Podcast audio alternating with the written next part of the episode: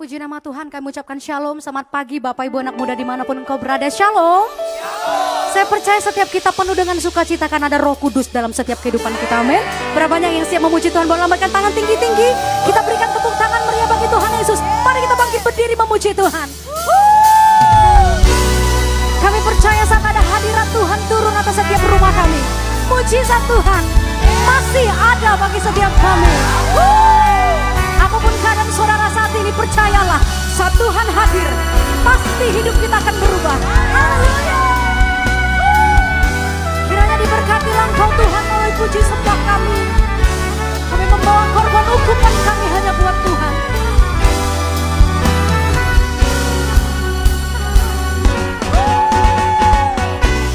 Mari tepuk tangan sama-sama saudara. Lihatlah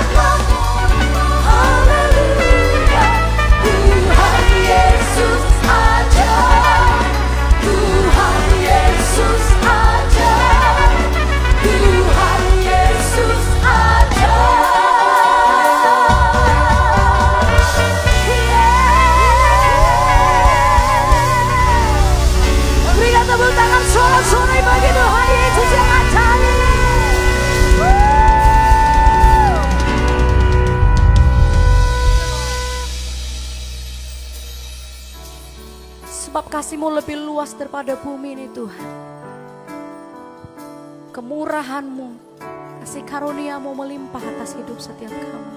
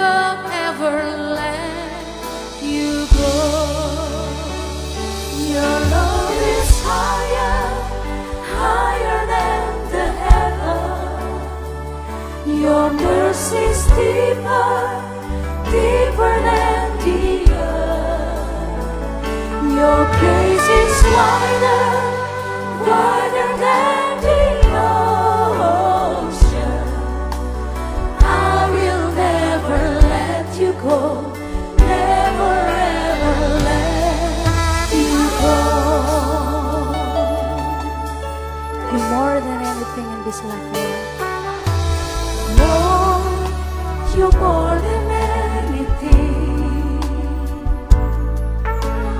You're more than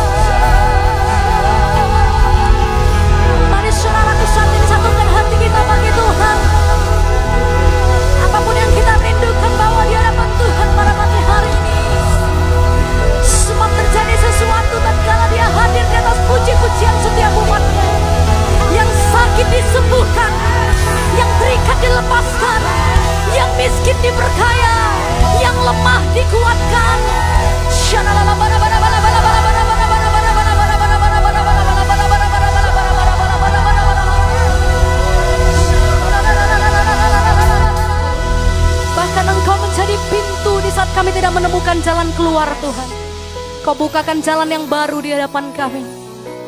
Kami bersyukur bangga punya Allah seperti Engkau. Terima kasih untuk perlindunganmu atas keluarga kami. Atas pelayanan kami, atas pekerjaan kami. Kami bersyukur. Sungguh kami berterima kasih kepadamu Tuhan. Bahkan kata-kata kami tidak akan cukup untuk membalas segala kebaikan Tuhan. Mengungkapkan betapa baiknya Tuhan itu dalam hidup kami. Terima kasih Bapak, terima kasih Tuhan. Diberkatilah kiranya Engkau melalui puji sembah kami pada pagi hari ini. Thank you Jesus. Jamah setiap kami Tuhan.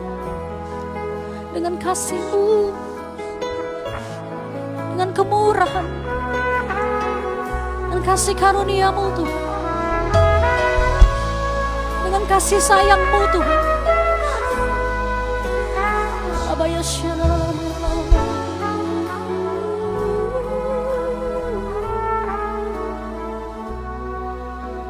Segala puji, hormat, kemuliaan kekal sampai selama-lamanya. In the name of Jesus Christ, di dalam nama Yesus kami berdoa mengucap syukur. Setiap kita yang telah selesai memuji menyembah Tuhan, memberkati Tuhan melalui pujian yang bersama-sama dengan saya kita katakan. Amin. Mari kita berikan tepuk tangan bagi Tuhan Yesus. Haleluya. Puji nama Tuhan bersama-sama kita akan mendengarkan firman Tuhan dari pembina rohani Bapak Pendeta Dr. Insinyur Niko Nyoto Raharjo. Kiranya Tuhan Yesus memberkati.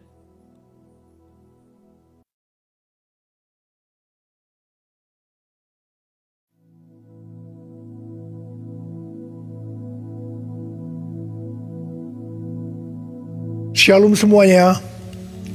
Tahun 2021 adalah tahun integritas. The year of integrity. Sekali lagi kita katakan bersama-sama. Tahun 2021 adalah tahun integritas. The year of integrity.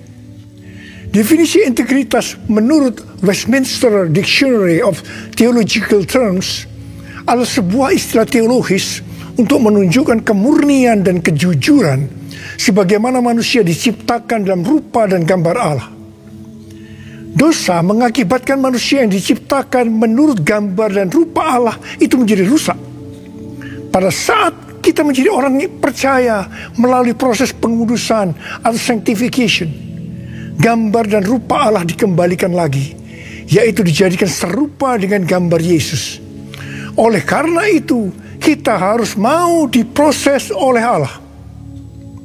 Dalam etika, integritas adalah ketaatan dalam prinsip dan karakter moral yang dibentuk dalam hati nurani Kristen. Panutan kita untuk menjadi orang yang berintegritas adalah Tuhan Yesus. Sebab dialah the man of integrity.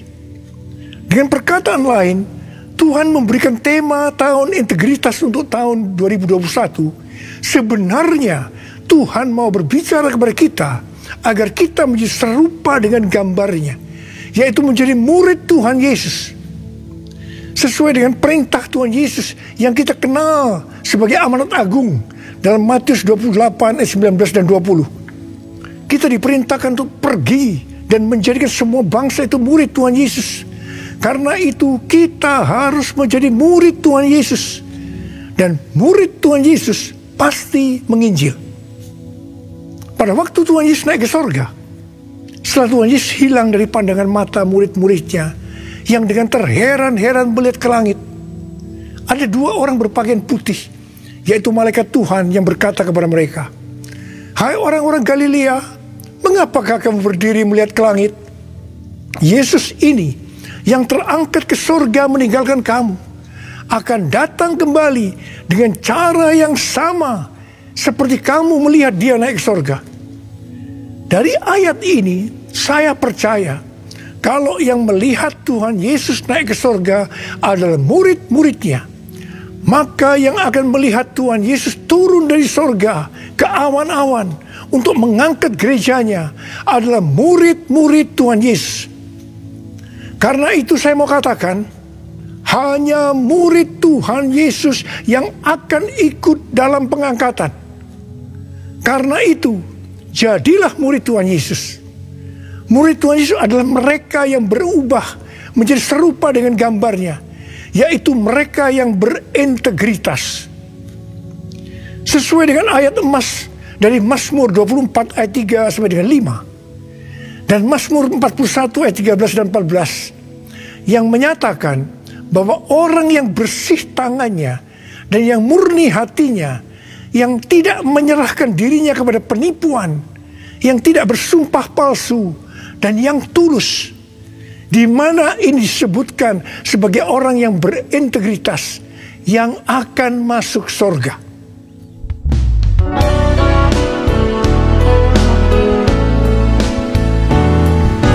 Ku mau sepertimu Yesus disempurnakan selalu dalam segenap jalanku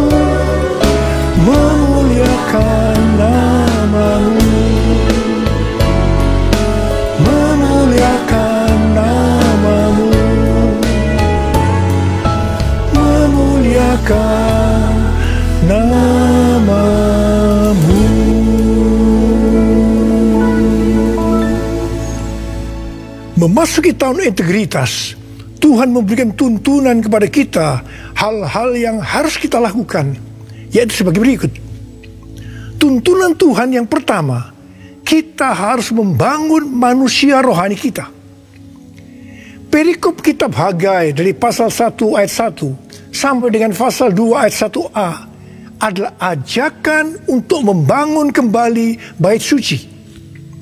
Tuhan berfirman melalui Nabi Hagai kepada Zerubabel bin Shealtiel, Bupati Yehuda, dan Yosua bin Yosadak, imam besar, untuk mengajak bangsa Israel membangun kembali bait suci. Tuhan menegur orang Israel karena mereka hanya sibuk membangun rumahnya sendiri. Tetapi rumah Tuhan tidak dibangun dan tetap menjadi reruntuhan. Tuhan berkata kepada orang Israel, "Karena itu, lihatlah keadaan dirimu. Kamu menabur banyak, tetapi membawa pulang hasil sedikit. Kamu makan, tetapi tidak sampai kenyang. Kamu minum, tetapi tidak sampai puas. Kamu mendapat upah, tetapi tidak pernah cukup, karena seperti ditaruh dalam pundi-pundi yang berlobang." Banyak pengeluaran yang tidak terduga, seperti sakit, penyakit, dicuri, ditipu, dirampok, dan lain-lain. Teguran yang sama Tuhan berikan kepada kita. Karena hari-hari ini banyak di antara kita hanya sibuk membangun keperluan-keperluan kita secara jasmani. Sedangkan manusia rohani kita tidak dibangun, tidak diperhatikan. Pertanyaannya, bagaimana dengan keadaan saudara? Apakah keadaan saudara seperti bangsa Israel pada waktu itu? Tuhan berkata kepada bangsa Israel bahwa kalau mereka membangun rumah Tuhan, maka mereka akan diberkati. Tuhan akan menggoncangkan langit dan bumi, laut dan darat. Tuhan akan menggoncangkan bangsa-bangsa sehingga barang-barang yang indah-indah di bangsa-bangsa akan datang mengalir memberkati mereka. Tuhan berkata, kepunyaankulah perak, kepunyaankulah emas. Dan Tuhan juga berjanji bahwa kemegahan rumah Tuhan yang dibangun akan melebihi kemegahan yang semula. Dan Tuhan juga akan memberikan damai sejahtera. Hari-hari ini Tuhan juga berbicara kepada kita. Kalau kita membangun manusia rohani kita, sehingga kita akan menjadi serupa dengan gambar Yesus, maka Tuhan akan mencurahkan berkat secara rohani maupun secara jasmani. Seperti yang dikatakan pada waktu itu, di mana Tuhan memberkati bangsa Israel dengan menggoncangkan langit dan bumi. Tuhan menggoncangkan bangsa-bangsa. Maka hal yang seperti itu juga yang terjadi pada hari-hari ini. Pandemi COVID-19 membuat bangsa-bangsa tergoncang. Kejadian yang kita alami hari-hari ini justru akan memberkati kita secara rohani maupun jasmani. Yaitu kita yang membangun manusia rohani kita untuk menjadi serupa dengan gambarnya. Yaitu menjadi orang yang berintegritas. Kalau Tuhan berjanji kepada bangsa Israel bahwa kemegahan rumah Tuhan yang dibangun akan melebihi kemegahan yang semula, maka Tuhan juga berjanji kepada kita. Kalau kita sungguh-sungguh membangun manusia rohani kita, maka kita akan semakin serupa dengan gambar Yesus, melebihi yang dulu pernah kita alami. Tuhan akan memberikan kepada kita damai sejahtera. Haleluya! Sesuai dengan yang dikatakan dalam 1 Yohanes 2 ayat 6. Yaitu kalau kita mengatakan bahwa kita ada di dalam dia, maka kita wajib hidup sama seperti Kristuslah hidup. Dengan kuasa firman dan pertolongan roh kudus dan proses dari Allah, kita yang sungguh-sungguh mau membangun manusia rohani kita, yaitu mau hidup sama seperti Kristuslah hidup, akan menjadi serupa dengan gambarnya. Dengan adanya pandemi COVID-19 ini, Tuhan Yesus berbicara kepada saya beberapa bulan yang lalu melalui Yesaya 26 ayat 20 dan 21 yaitu agar kita bersembunyi barang sesaat lamanya sampai amarah Tuhan berlalu. Sebab Tuhan sedang menghukum penduduk bumi karena kesalahannya.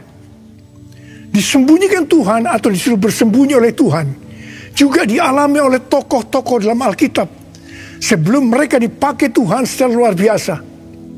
Karena itu melalui pandemi COVID-19 ini, Tuhan memberikan waktu kepada kita untuk koreksi diri, untuk membangun manusia rohani kita. Hari-hari ini muncul varian-varian baru dari virus corona yang penularannya jauh lebih cepat. Tuhan memberikan peringatan kepada kita seperti yang ditulis dalam Amsal 22 ayat 3 dan Amsal 27 ayat 12 yang berkata, kalau orang bijak melihat malapetaka, bersembunyilah ia. Tetapi orang yang tidak berpengalaman berjalan terus lalu kena celaka. Peringatan ini dituliskan sebanyak dua kali di kitab Amsal.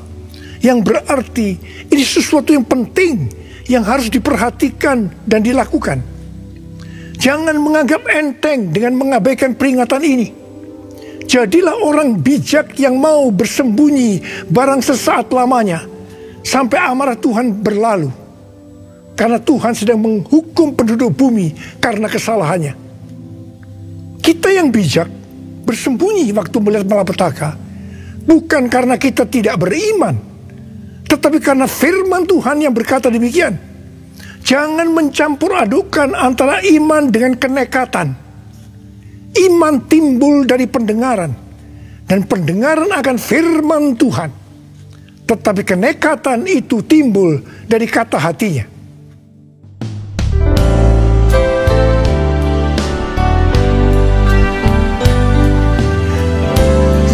Tuhan, ku percaya, aku percaya. Lewati lembah air mata, aku percaya.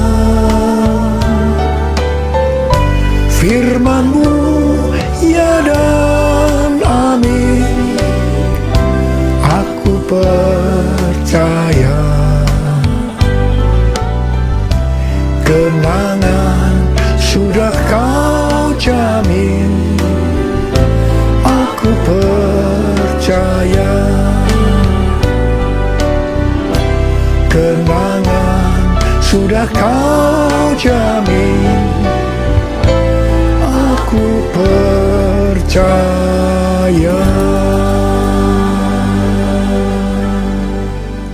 Tuntunan Tuhan yang kedua yang harus kita lakukan dalam tahun integritas ini bahwa kita harus memberikan yang terbaik untuk Tuhan. Roma 12 ayat 1 berkata, Karena itu saudara-saudara, demi kemurahan Allah, aku menasihatkan kamu supaya kamu mempersembahkan tubuhmu sebagai persembahan yang hidup, yang kudus, dan yang berkenan kepada Allah.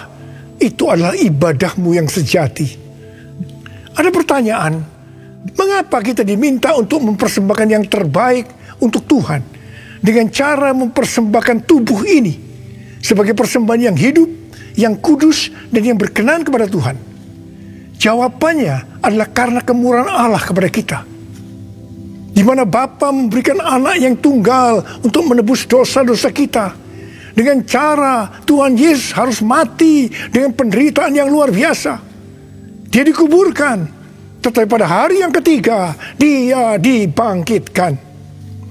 Ini merupakan pemberian yang terbaik dari Allah kepada kita umat manusia. Jadi karena Allah memberikan yang terbaik buat kita, maka kita diminta untuk mempersembahkan yang terbaik untuk dia. Di mana sebenarnya kita tidak bisa mengembalikan apa yang Tuhan berikan kepada kita. Persembahan kepada Tuhan bisa berupa ucapan syukur, pujian dan penyembahan, taat kepada firman-Nya, melayani pekerjaan Tuhan, serta mempersembahkan persembahan berupa materi. Persembahan secara materi berupa persembahan khusus, persembahan persepuluhan, persembahan sulung yang merupakan bukti ketaatan kita kepada firman Allah melalui gereja tempat kita tertanam. Respon dari orang percaya terhadap persembahan yang terbaik secara materi biasanya ada tiga.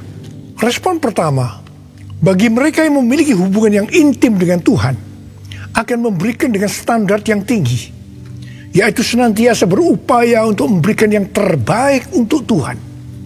Sebagai contoh, Maria yang intim dengan Tuhan Yesus mengurapi kaki Tuhan Yesus dengan minyak narwastu murni yang mahal harganya dan menyeka kaki Tuhan Yesus dengan rambutnya.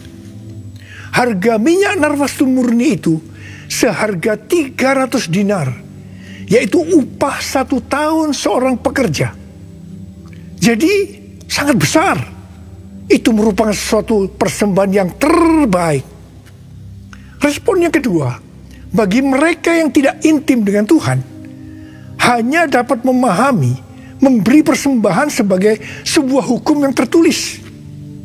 Ketika yang lain sudah tekun dan setia memberikan persembahan persepuluhan, persembahan sulung, dia masih sibuk menggali tentang apakah persepuluhan dan persembahan sulung itu alkitabiah atau tidak. Respon yang ketiga, bagi mereka yang cinta uang dan pencuri kas milik Tuhan, seperti Yudas Iskariot, akan mengkritik orang seperti kepada Maria yang memberikan persembahan yang terbaik kepada Tuhan, yaitu minyak narwastu yang mahal harganya. Demikian juga mereka yang termasuk orang-orang seperti ini akan menyamaratakan semua pendeta yang mengajar tentang memberikan persembahan sebagai golongan pendeta yang mencari keuntungan dari jemaat. Sehingga banyak pendeta yang takut untuk memberikan pelajaran tentang kebenaran memberi persembahan yang terbaik untuk Tuhan. Akibatnya, baik pendeta itu maupun jemaatnya gagal untuk menerima berkat yang terbaik yang Tuhan sediakan. Kesimpulannya, memberi persembahan yang terbaik untuk Tuhan hanya dilakukan oleh orang-orang yang hidupnya intim dengan Tuhan. Saya berdoa supaya saudara termasuk orang yang hidupnya intim dengan Tuhan. Sehingga berkat yang terbaik dari Tuhan akan saudara terima di tahun 2021 ini. Yang percaya katakan amin. Sudah 10 tahun Tuhan berbicara kepada kita tentang persembahan sulung dari Amsal 3 ayat 9 dan 10 yang berkata, Muliakanlah Tuhan dengan hartamu dan dengan hasil pertama dari segala penghasilanmu. Maka lumbung-lumbungmu akan diisi penuh sampai melimpah-limpah. Dan bejana pemerahanmu akan meluap dengan air buah anggurnya. Persembahan sulung untuk tahun 2021 adalah seluruh penghasilan yang didapatkan pada bulan Januari 2021 dan itu diberikan pada bulan Februari 2021 sebagai persembahan yang terbaik. Mengenai memberikan persembahan dari seluruh penghasilan, Tuhan Yesus pernah menyinggung tentang persembahan seorang janda miskin di dalam Markus 12 ayat 41 sampai 44. Pada suatu kali Yesus menghadapi peti persembahan dan memperhatikan bagaimana orang banyak memasukkan uang ke dalam peti itu. Banyak orang kaya memberi jumlah yang besar. Lalu datang seorang janda yang miskin. Ia memasukkan dua peser, yaitu satu duit. Maka dipanggilnya murid-muridnya dan berkata kepada mereka, Aku berkata kepadamu, sesungguhnya janda miskin ini memberikan lebih banyak daripada semua orang yang memasukkan uang ke dalam peti persembahan. Sebab mereka semua memberi dari kelimpahannya. Tetapi janda ini memberi dari kekurangannya, yaitu semua yang ada padanya, yaitu seluruh nafkahnya. Di sini Tuhan Yesus tidak melihat besarnya jumlah persembahan, tetapi melihat berapa persen dari penghasilannya yang dipersembahkan. Meskipun persembahan janda miskin jumlahnya relatif kecil dibandingkan persembahan orang-orang kaya tadi. Tetapi Tuhan Yesus berkata, janda miskin ini memberikan lebih banyak dibanding semua orang kaya itu. Karena yang diberikan itu adalah seluruh nafkahnya. Yaitu seluruh yang dia punya. Ini adalah persembahan yang terbaik.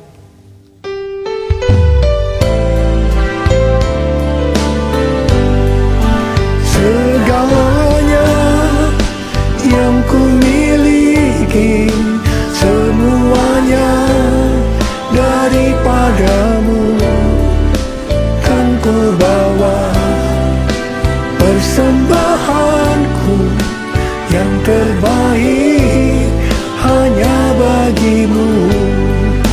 Yang terbaik hanya bagimu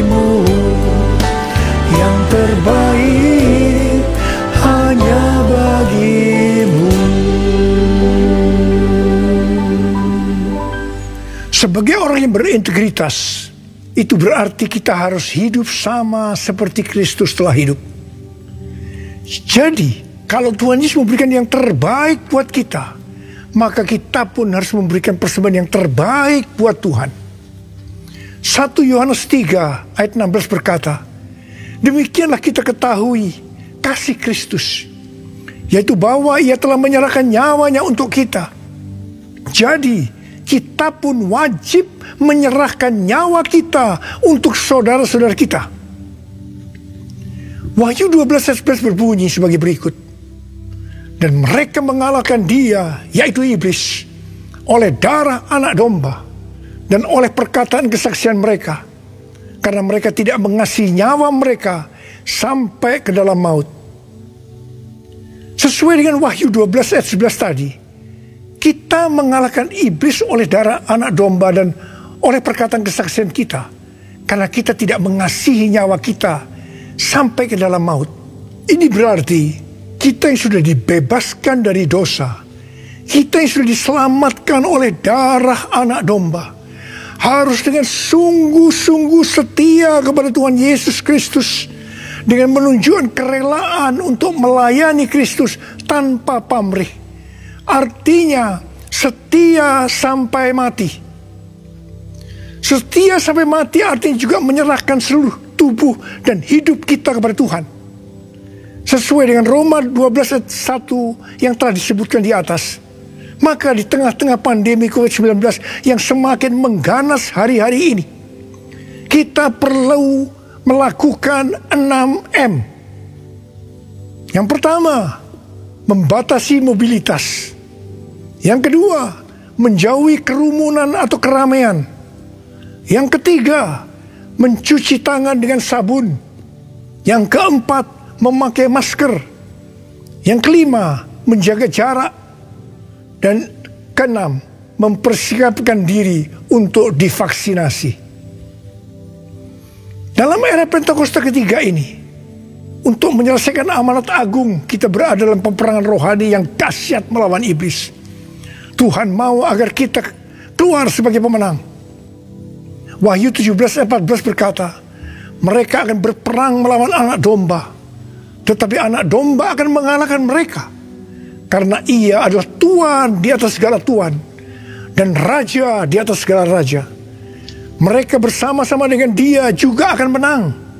Yaitu mereka yang terpanggil, yang telah dipilih dan yang setia. Setia di sini adalah setia sampai mati.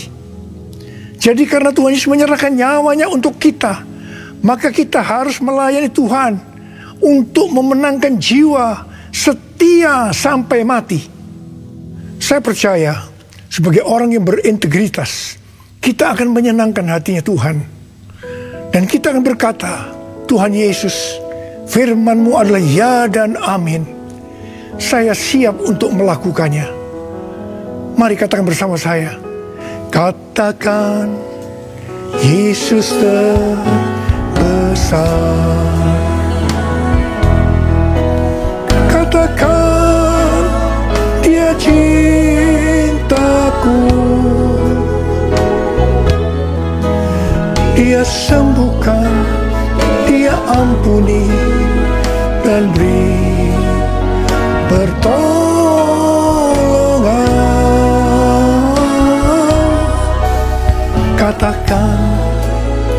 Dia tak berubah.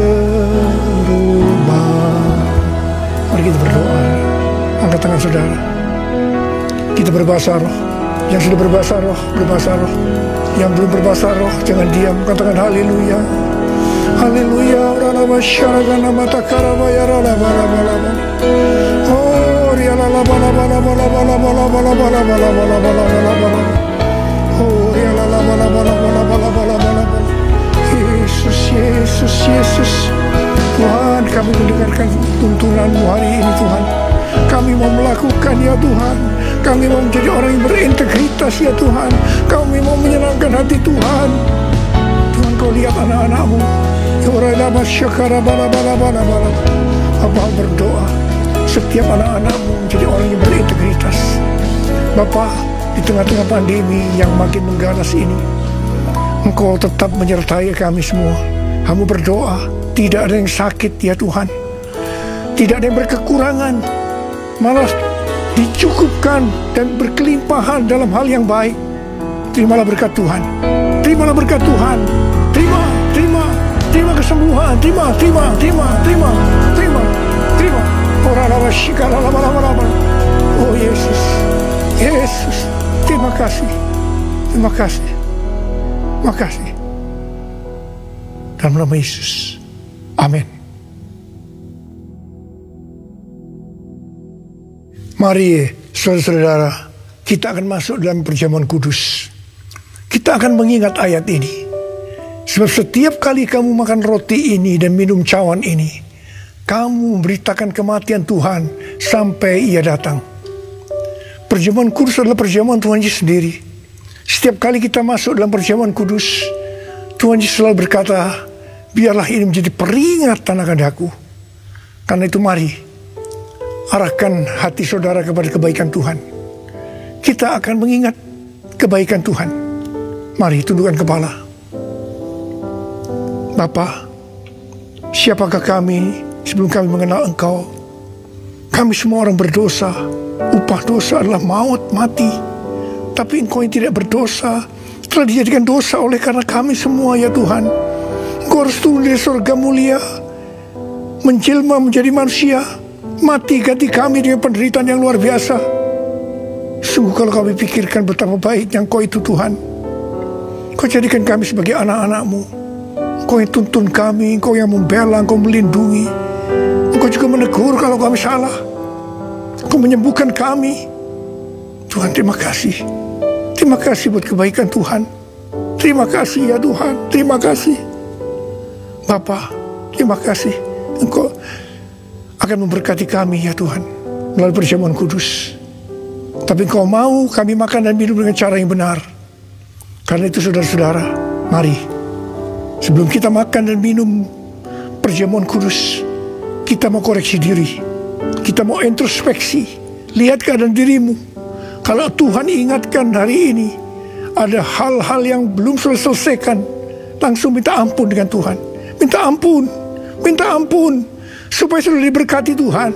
Ampuni kami Tuhan, ampuni kami ya Tuhan, ampuni kami. Bapak terima kasih, layakkan kami masuk dalam perjamuan kudus. Kami akan masuk dalam perjamuan kudus dengan hati yang penuh ucapan syukur. Dalam nama Yesus. Amin.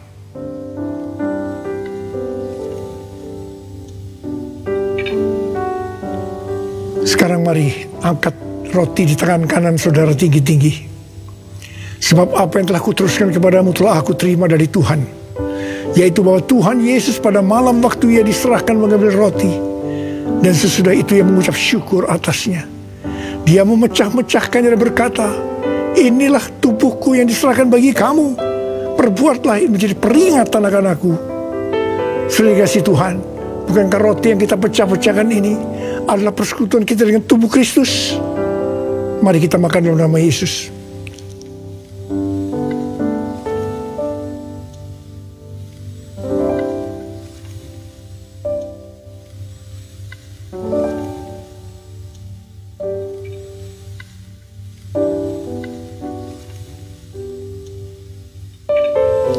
angkat cawan di tangan kan saudara tinggi-tinggi.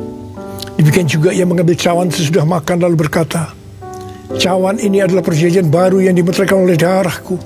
Perbuatlah ini setiap kali kamu meminumnya menjadi peringatan akan aku. Sudah dikasih Tuhan. Bukankah cawan pengucapan syukur yang atasnya kita ucapkan syukur adalah persekutuan kita dengan darah Yesus. Mari kita minum dalam nama Yesus.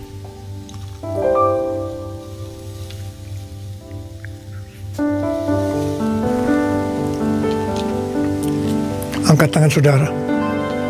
Ucapkan syukur dengan suara, jangan diam. Oh Tuhan, terima kasih ya Tuhan.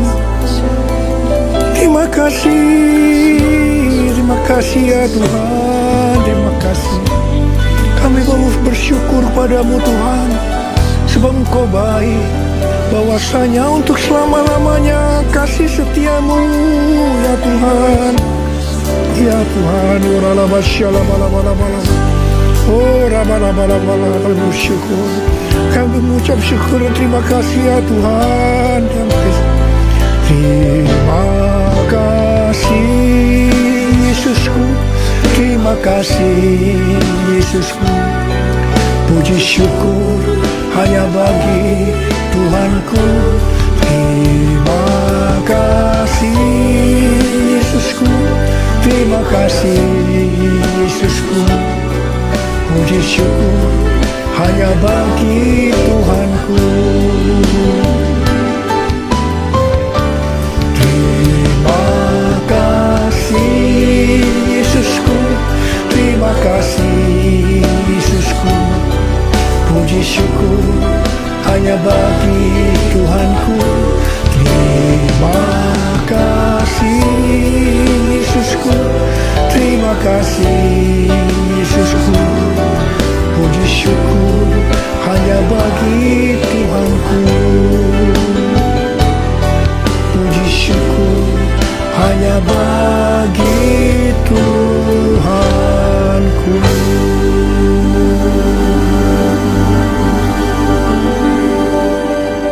Sekarang terimalah berkat Tuhan.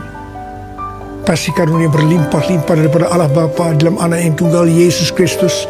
Persekutuan yang manis dengan roh kudus menyertai saudara sekalian mulai hari ini sampai Tuhan Yesus datang menjemput kita di awan-awan dan bahkan sampai selama-lamanya. Yang percaya bersama-sama katakan amin